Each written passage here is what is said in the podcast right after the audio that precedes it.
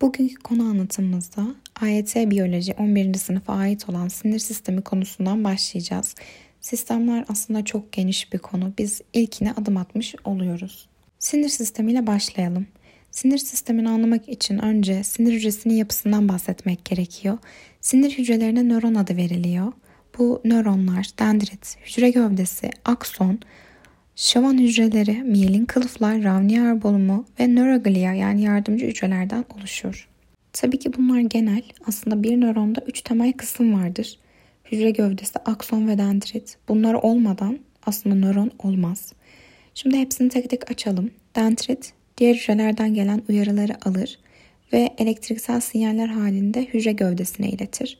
Hücre gövdesi ise çekirdek, mitokondri, ribozom, Golgi, Nisil tanecikleri yani granüllü endoplazmik retikulum grupları ve sitoplazma bulunur. Akson ise sinirsel iletimin sinir hücresinden en son geçip bir sonraki sinire veya efektör organa iletildiği yapıdır. Bu saydığım üçü aslında hücrenin yani nöronun üç temel kısmıdır.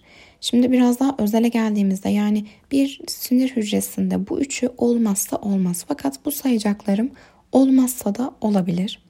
Şivan hücresi aksonların üzerinde bulunup miyelin kılıfı oluşturan hücrelerdir.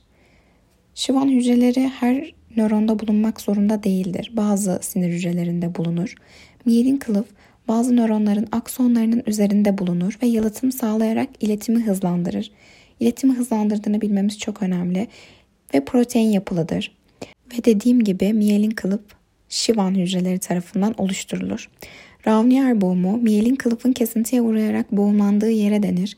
Eğer bir hücrede miyelin kılıf varsa Ravnier boğumundan Ravnier boğum aralarından atlaya atlaya iletim gerçekleşir. Nöroglia ya da glia nöronlara destek, onarım, iyon dengesi gibi konularda yardımcı olan hücrelerdir.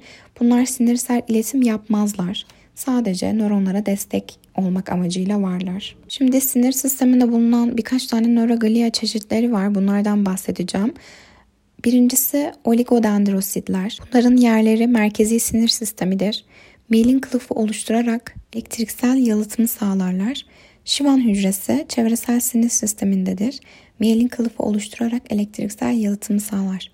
Yani bu iki nöroglia'ya baktığımızda aslında bunların ikisinin de amacı ortak. Miyelin kılıfı oluşturmak. Fakat oligodendrositler merkezi sinir sisteminde bulunur. Şivan hücreleri ise çevresel sinir sisteminde bulunur.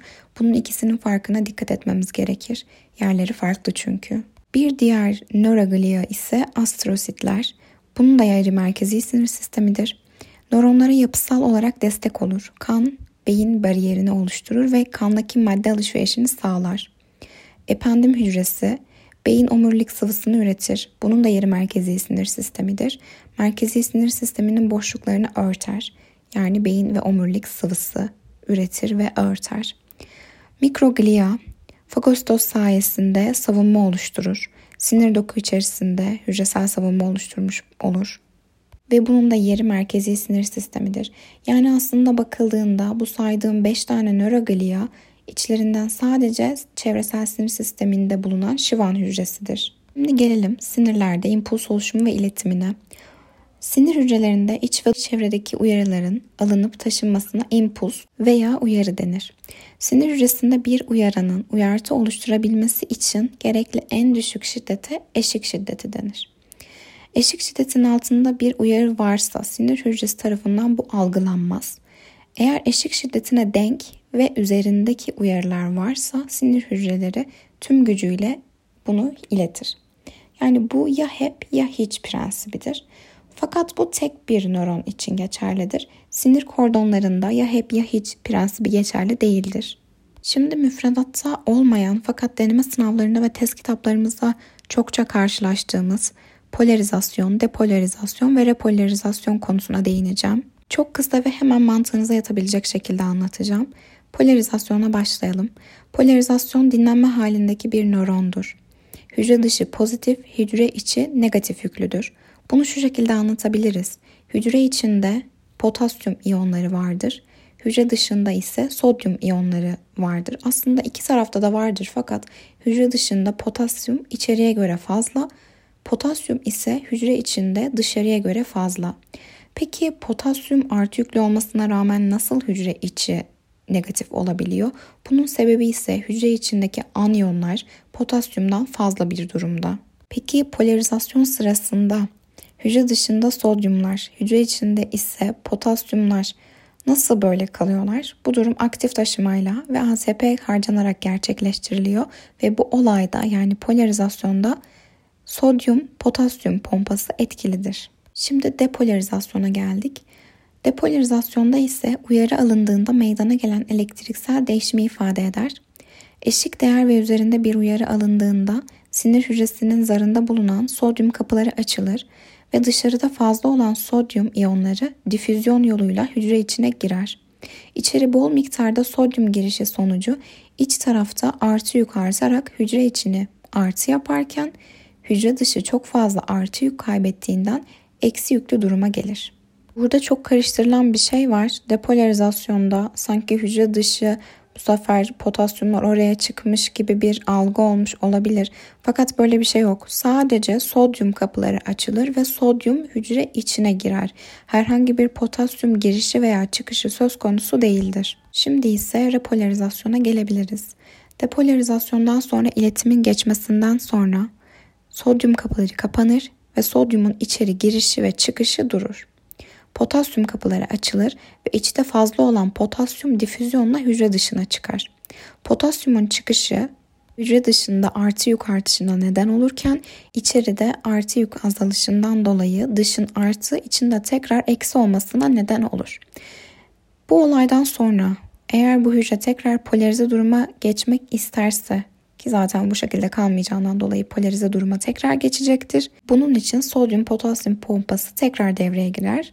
Sodyumlar hücre dışına atılırken potasyumlar tekrar hücre içine alır. Bu olayda aktif taşıma etkilidir. Özet geçmemiz gerekirse polarizasyon, depolarizasyon ve repolarizasyon sırasıyla ilerler. Polarizasyonda neydi? Sodyum potasyum pompası çalışır. Sodyumlar hücrenin dışına, potasyumlar hücrenin içine alınır aktif taşıma etkili olup ATP harcanırdı. Depolarizasyonda ise sodyum kapıları açılır, sodyumlar hücre içine alınırdı. Repolarizasyonda ise sodyum kapıları kapanır, potasyum kapıları açılırdı. Sodyumlar hücre içinde kalırken potasyumlar dışarı verilirdi. Şimdi gelelim impuls iletiminin özelliklerine. İmpuls iletiminde iletimin yönü dendritten akson ucuna doğrudur. Bu iletim elektrokimyasaldır. Bir nöronda impuls iletim hızı yani şiddeti sabittir ve değişmez. Ancak uyarıların şiddeti, süresi, frekansı bir nöronda iletim hızını ve aksiyon potansiyelini değiştirmezken uyarılan sinir hücresinin sayısının artışı ve birim zamanda iletilen impuls sayısını artırır. Sinir hücrelerinde uyarıların iletilme şekli aynı yani elektrokimyasaldır. Taşınım şekli aynı iken Bizde bu koku, sıcaklık, tat, ışık gibi bir sürü farklı duyun oluşmasının sebebi ise beyindeki değerlendirme merkezlerinin farklı olmasıdır. Şimdi ise şuna değinelim. İki sinir hücresi arasında impuls iletim hızı birbirinin aynısı olmak zorunda değil. Farklı yapabilecek durumlar mevcuttur. Üç tane başlık altında inceleyeceksek bunlardan bir tanesi miyelin kılıf. Miyelinli nöronlarda iletim hızı, miyelinsiz nöronlardaki iletim hızının neredeyse 10 katı kadardır. Miyelin kılıfı tanımlarken de söylemiştim. Miyelin kılıf nörondaki iletim hızını arttırır. İkincisi akson çapı. Akson çapı büyükse iletim hızı fazladır. Yani küçük akson çapı olan bir nöronda iletim hızı tabii ki büyüye göre daha yavaştır. Bunu şu şekilde de düşünebiliriz. Bizim bir büyük bir de küçük çaplı borumuz olsun elimizde. Büyük çaplı bir borudan bir su akıtırsak nasıl o su daha rahat, daha hızlı geçerse küçükte de ne kadar yavaş geçerse bunu akson çapıyla orantılı olarak düşünebiliriz. Bir diğer puls iletim hızını farklı yapabilecek durum ise Ravnier boğumudur. Az Ravnier boğumuna sahip bir nöronda iletim hızı çok Ravnier boğumuna sahip bir nörondaki iletim hızından daha fazladır. Yani eğer biz iletimin hızlı olmasını istiyorsak az Ravnier boğumuna sahip bir nöron olmasına dikkat etmeliyiz.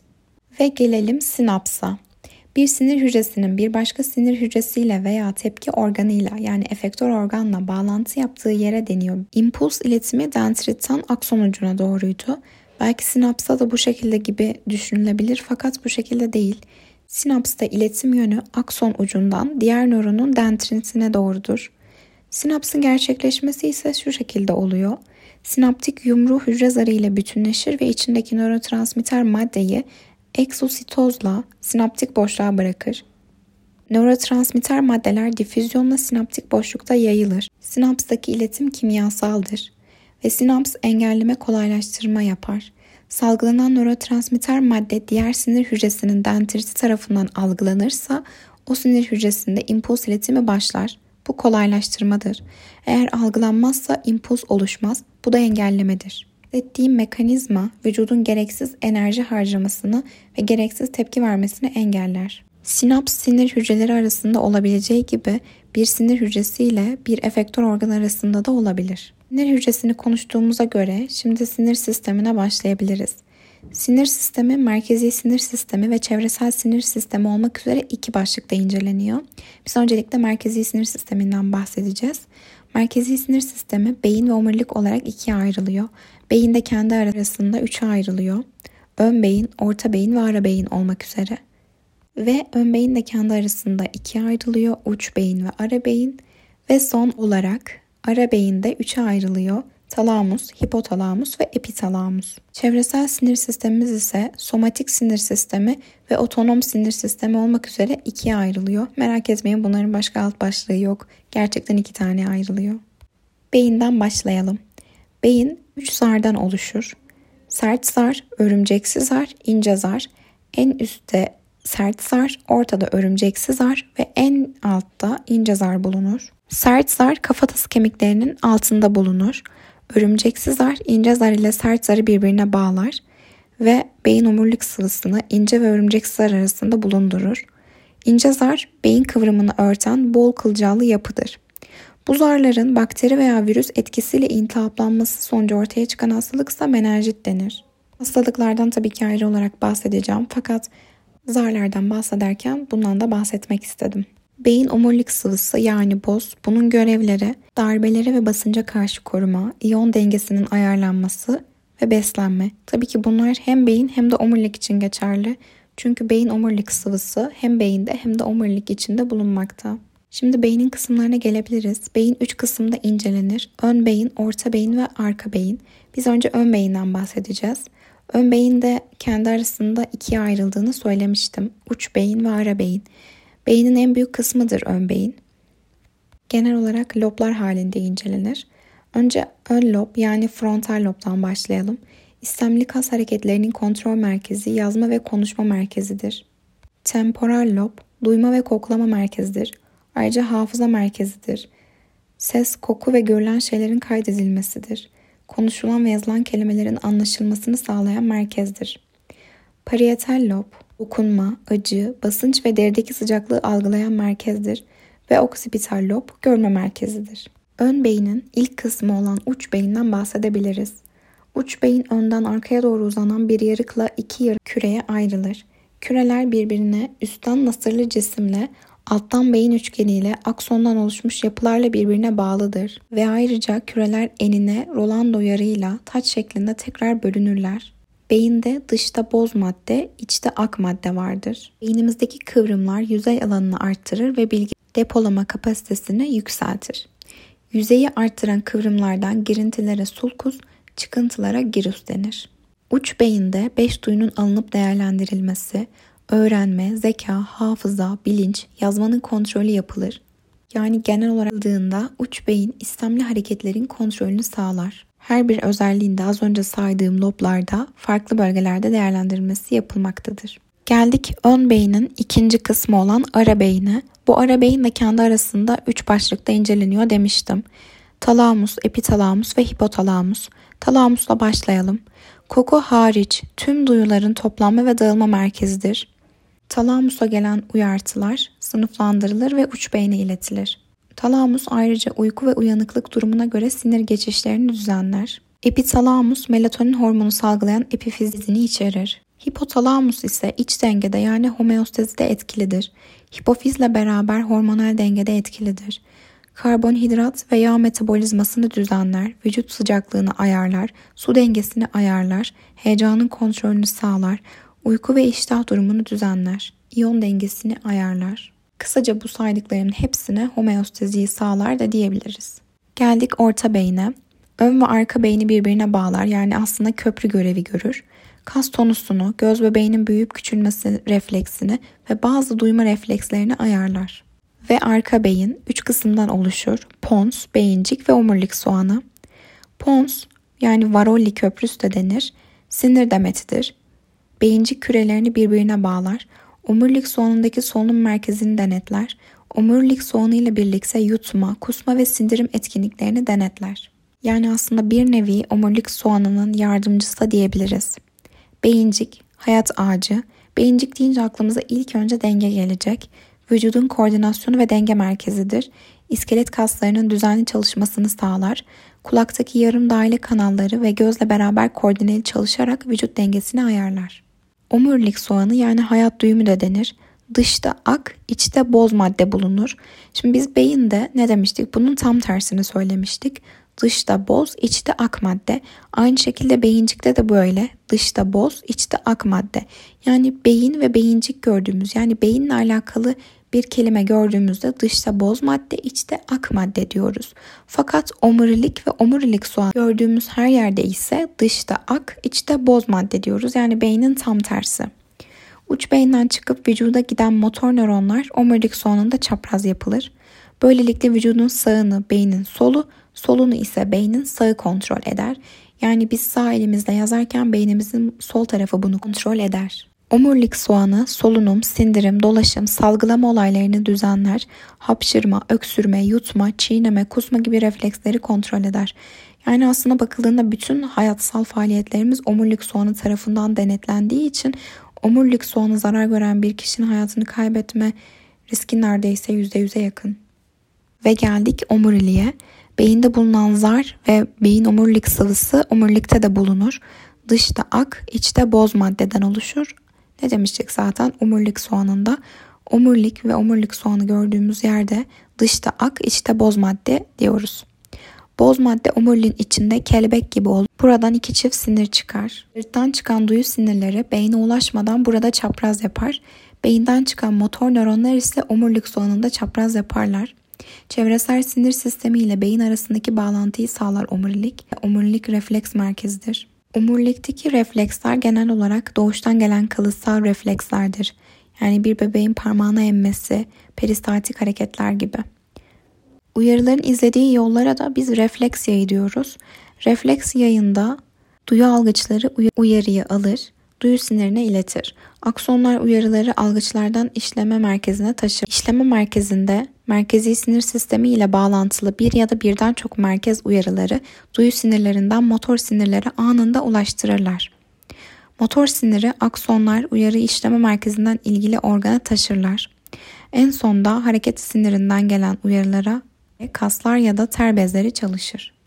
Duyu sinirleri arka boynuzdan, motor sinirleri ise ön boynuzdan çıkış yapar. Kazanılmış refleksler, yürümek, yüzmek, araba kullanmak, enstrüman çalmak gibi şeyler önce beyin bunları öğrenir, daha sonra omuriliğe devreder ve bunlar bizim reflekslerimiz olmuş olur. Dikkat çekmemiz gereken bir kısım var.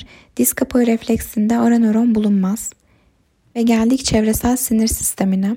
Duyu ve motor nöronlardan oluşur çevresel sinir sistemleri. Somatik sinir sistemi ve otonom sinir sistemi olmak üzere ikiye ayrılır. Somatik sinir sistemi iskelet kaslarını merkezi sinir sistemine bağlayan sinirlerdir. Hücre gövdeleri beyin ve omurilikte bulunurken aksonları iskelet kaslarından bulunur. Miyelinli nöronlardan oluşup istemli hareketlerinin kontrolünü sağlar. Otonom sinir sistemi ise istemsiz çalışır. Miyelinsiz nöronlardan oluşur ve motor nöronlarından oluşur. Organların çalışmasını düzenler. Yani aslında bunu şöyle de diyebiliriz kısaca. Somatik sinir sistemi istemli hareketler, otonom sinir sistemi ise istemsiz olanlardır. Ve şimdi sinir sistemi hastalıklarına gelelim. Burada pek çok hastalığımız var. Birincisi multiple skleroz, MS de deniliyor buna.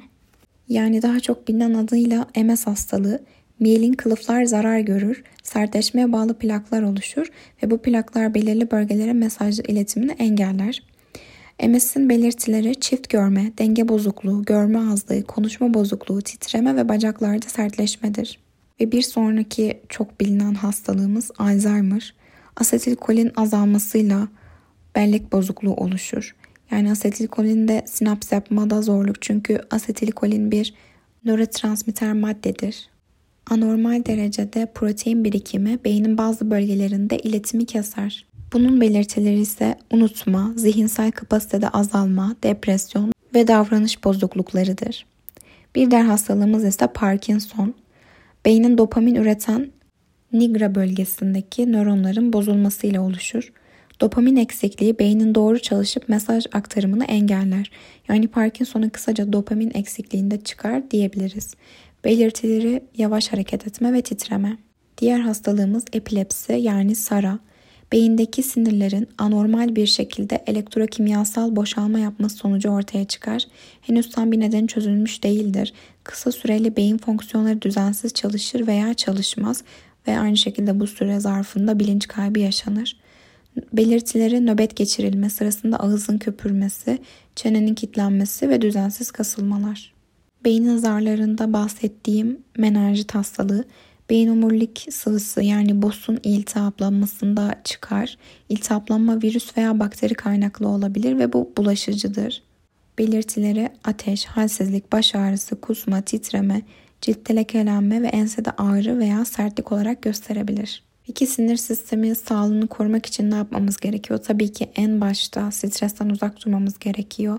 Hijyene dikkat etmemiz gerekiyor ve uyku düzenine çok dikkat etmemiz gerekiyor. Tansiyona dikkat etmemiz lazım ve aşırı tuzlu besin tüketmememiz lazım. Yağ ve kilo kontrolüne de dikkat etmemiz lazım.